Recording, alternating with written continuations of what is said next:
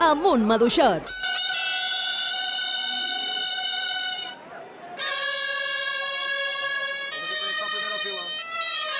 El món casteller a l'Alt Maresme té un nom, Amunt Maduixots.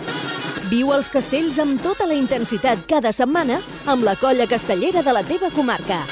Amunt Maduixots!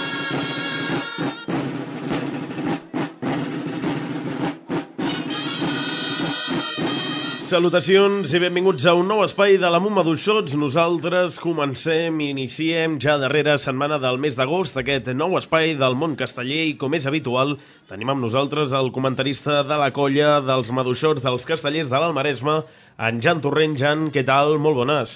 Bé, bones, uh, una setmana més, una setmana carregada d'activitat castellera, carregada mm -hmm. d'activitat maduixota, sobretot perquè hem comptat amb un dels caps de setmanes més intensos uh, pel que fa parlant d'actuacions dels maduixots, de tot, et diria, de tot l'any, o si més no, de tot el mes d'agost, perquè com repassarem més tard hem vist eh, dues actuacions, una aquí a Tordera i l'altra a Pineda, les dues molt remarcables que ja explicarem bé com van anar i quins castells s'hi van veure. Mm -hmm. A part, avui eh, seguirem amb la, amb la secció que vam estrenar fa un parell de setmanes, en la qual eh, voldríem entrevistar a, a diversa gent de la colla per agafar el seu punt de vista i poder parlar amb ells i, eh, i doncs això, aquest, aquesta setmana hem parlat amb dues caps de canalla que després us passarem una entrevista on els hi hem preguntat una mica de com és la seva feina mm -hmm. i de, uh, exacte, és a dir, com s'ho fan per dirigir la canalla i una mica les interioritats d'aquest equip.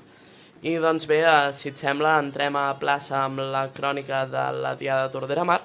Doncs, en Torrent, entrem a plaça nosaltres, com deies, amb aquesta crònica després d'haver repassat quin serà el guió d'avui.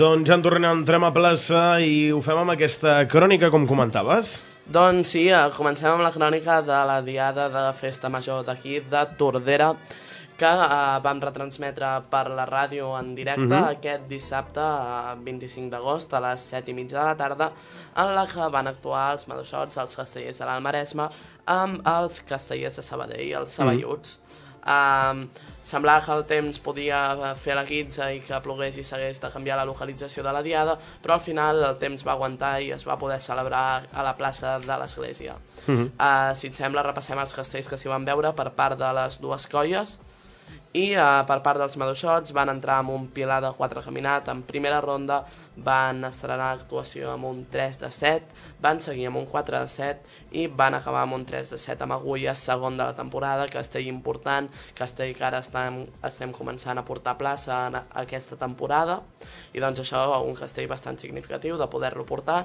i d'anar evolucionant aquests castells de 7 amb l'Agulla. Uh -huh. uh, la diada es va acabar amb un pilar de 5 i 5 pilars de 4 per part dels saballuts van poder veure un pilar d'entrada de 4 caminat seguit d'un 3 de 7, un 4 de 7 i acabat amb una torre de 6.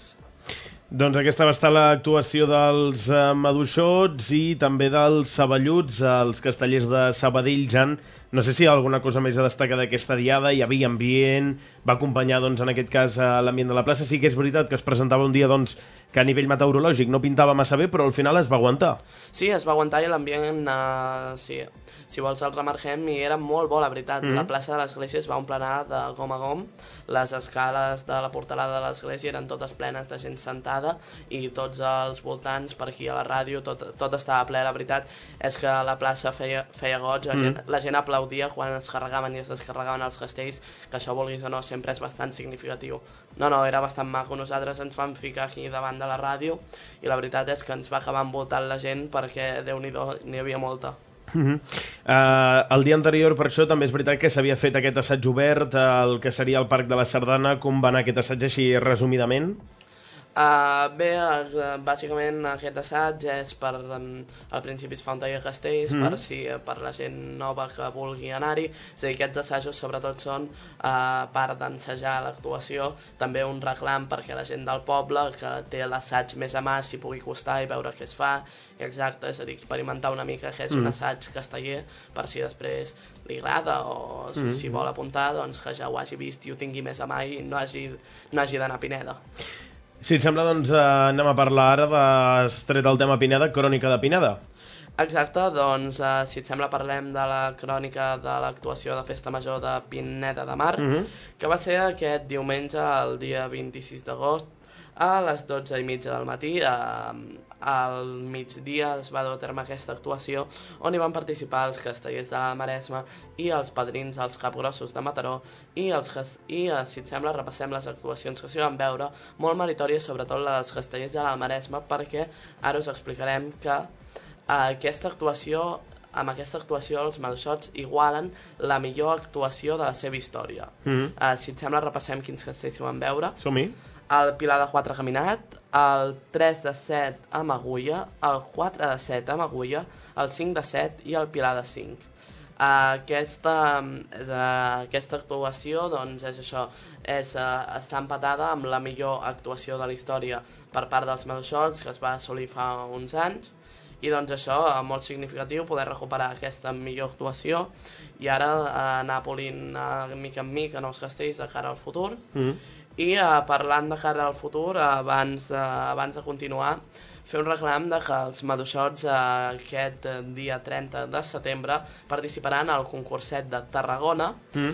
uh, i doncs això, que el dijous abans es farà un assaig general i que tothom que estigui convidat per anar-hi, per ajudar a preparar els, els millors castells possibles per, uh, per aquest concurset i bé, eh, doncs, si et sembla, seguim repassant la Diada de Capgrossos, eh, que va obrir l'actuació amb un pilar de 4, seguit d'un 3 de 7 amb agulla, un 4 de 7 amb agulla, un 5 de 7, un pilar de 5, i això, eh, així, es va, així es va desenvolupar aquesta actuació a Pineda eh, molt significativa per part dels maduixots sobretot, que va, com hem dit van poder aconseguir aquesta a igualar aquesta millor actuació de la història. Si et sembla, Marc, passem ja a la següent secció, que és mm -hmm. aquesta entrevista. Doncs som-hi, Jan Torrent, l'has presentat abans, si et sembla, recordem aquesta entrevista, quina serà? Exacte, doncs seguint amb la línia d'entrevistes que ens aporta diferents punts de vista de la joia, aquesta setmana hem entrevistat a dues de les caps de Canalla, eh, que són la Mireia Arjos i la Mercè Masferrer, i ara us deixem amb l'entrevista. Mm -hmm. Doncs som-hi amb aquesta entrevista. Bones, estem amb la Mercè Masferrer i la Mireia Arcos a Caps de Canalla de, de la colla dels Castells de la Maresma. Bones. Hola. Hola. Uh, doncs bé, um, seguirem amb les entrevistes que ens permeten veure la joia des de uh, la, per començar, el, vosaltres dirigiu el que és la canalla de la joia i suposo que és, és a dir, deu ser una experiència bastant diferent a la de tractar amb adults. És a dir, es nota de veritat que heu de tenir un plus extra per treballar amb nens, no? Sí, lògicament. Vull dir, no és el mateix parlar amb un adult que parlar amb un nen o fer-li pujar un nen que ha de pujar dalt de tot que un adult. Vull dir, la consciència que també tenen els nens no és la mateixa, el, el tracte és molt diferent, no, no, el pot, no els pots tractar igual. I a sobre està el tema de que són nens i tenen uns pares al darrere que llavors és, a part de parlar amb el nen i tenir el nen content i que pugui fer el que ha de fer, el pare, que hi ha al darrere, és, bueno, també és important tractar aquesta part. Doncs eh, també parlant això, també eh, deu ser important el que has dit de mantenir, eh, mantenir el nivell de ganes del nen elevat encara que a vegades no pugui pujar tot el que hi voldria pujar. Uh, com ho gestioneu perquè la majoria, de, la majoria de nens puguin seguir amb ganes per tirar endavant encara que no puguin pujar a tot el que voldrien? Bueno, els intentem explicar no, que és un, és, som una colla i els castells no els fa un nen o un altre, sinó que els fem tots junts. Intentem fer el màxim de rotacions possibles dins les possibilitats de tothom i bueno, els expliquem als nens igual que els explicaries a un adult, doncs que potser aquest castell no el farà ell, el farà un altre, perquè igual que ell puja en aquest castell, doncs l'altra persona pujarà en un altre castell i també hem d'entendre doncs, que si ell fa l'aleta un, potser doncs, un altre farà l'aleta un altre i que igual que ell li fa il·lusió, doncs a la resta de canalla també li fa il·lusió pujar.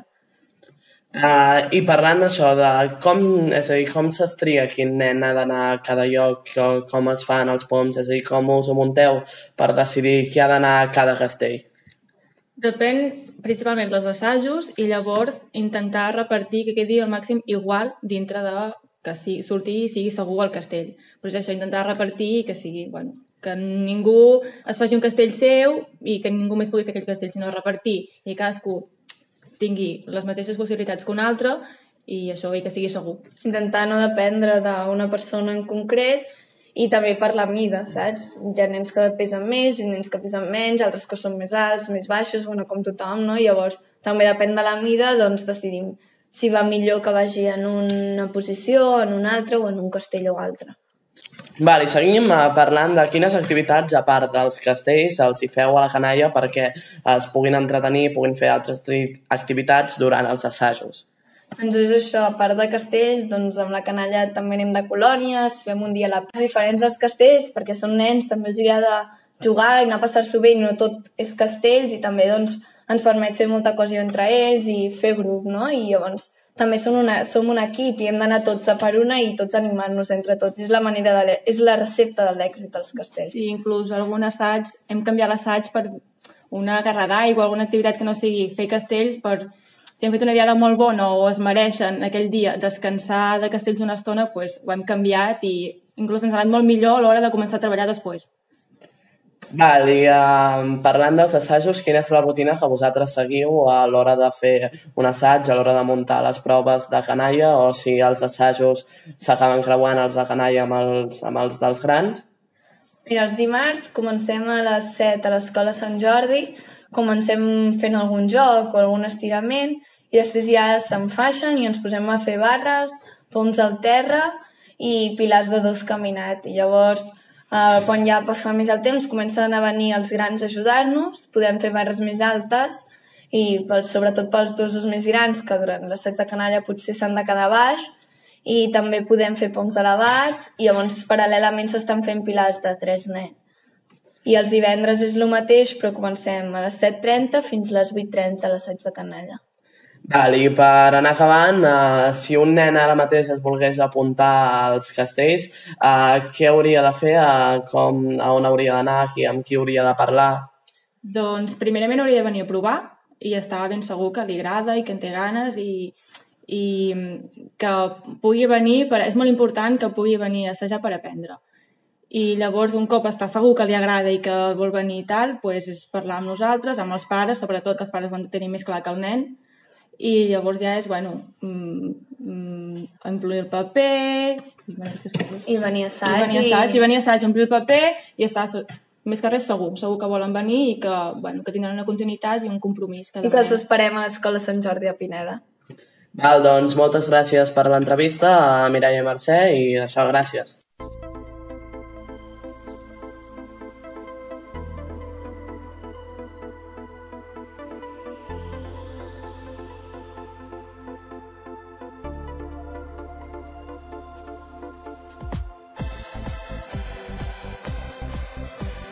Doncs seguim, Jan Torrent, després d'aquesta entrevista amb els caps de colla, com has eh, comentat, moment a continuació, darrers minutets de la secció, que toca ara?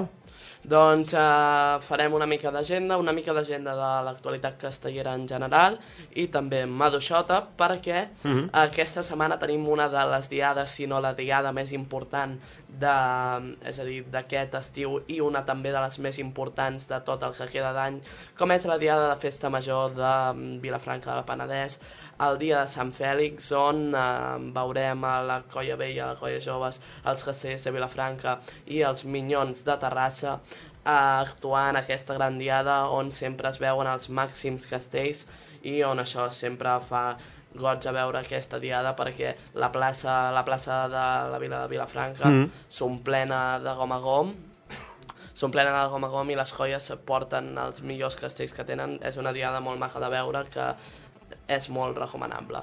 I doncs, eh, deixant de banda Sant Fèlix per part dels Madoixots, eh, també tenim actuació aquest diumenge, diumenge 2 de setembre, a la Festa Major de Santa Coloma de Gran Manet, uh mhm. -huh. on, actu on actuarem amb els laietans de Santa Coloma i amb els castellers de Badalona. Molt bé, doncs aquesta és l'agenda actualitat castellera del nostre país. Eh, Jan Torrent, no sé si hi ha alguna cosa més que ens vulguis eh, comentar. Uh, no, per aquesta setmana ja estaran, retrobem la setmana que ve on farem crònica d'aquesta dia de Sant Fèlix uh -huh. i també de tot el que ens separa aquest cap de setmana a Maduixot. Perfecte, doncs Jan Torrent, moltes gràcies i fins la pròxima. Exacte, salut i castells fins la setmana que ve.